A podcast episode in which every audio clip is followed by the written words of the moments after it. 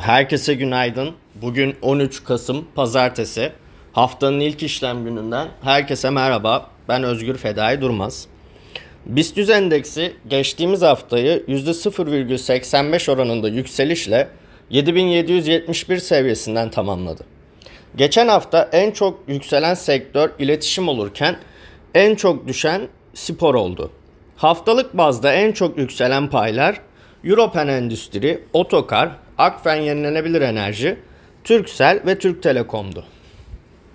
Uluslararası İşbirliği Platformu ile Körfez Araştırma Merkezi tarafından İstanbul'da düzenlenen Körfez Arap Ülkeleri İşbirliği Konseyi Türkiye Ekonomik Forumu'nda konuşan Hazine ve Maliye Bakanı Mehmet Çimşek, Türkiye'ye yatırımcı güveni geri geldi.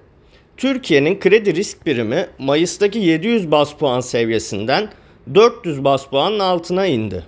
Türkiye'nin risk birimi neredeyse yarıya inmiş durumda. Yani yatırımcı güveni geri geliyor. Bu da sermaye girişine yol açacak dedi.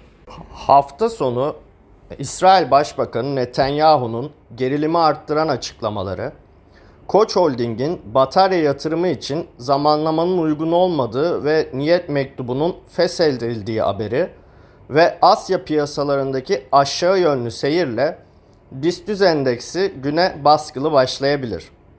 Kısa vadede 8000 seviyesini pivot, 7830, 7890, 7920 seviyelerini direnç, 7740, 7710, 7600 seviyelerini destek olarak izleyeceğiz.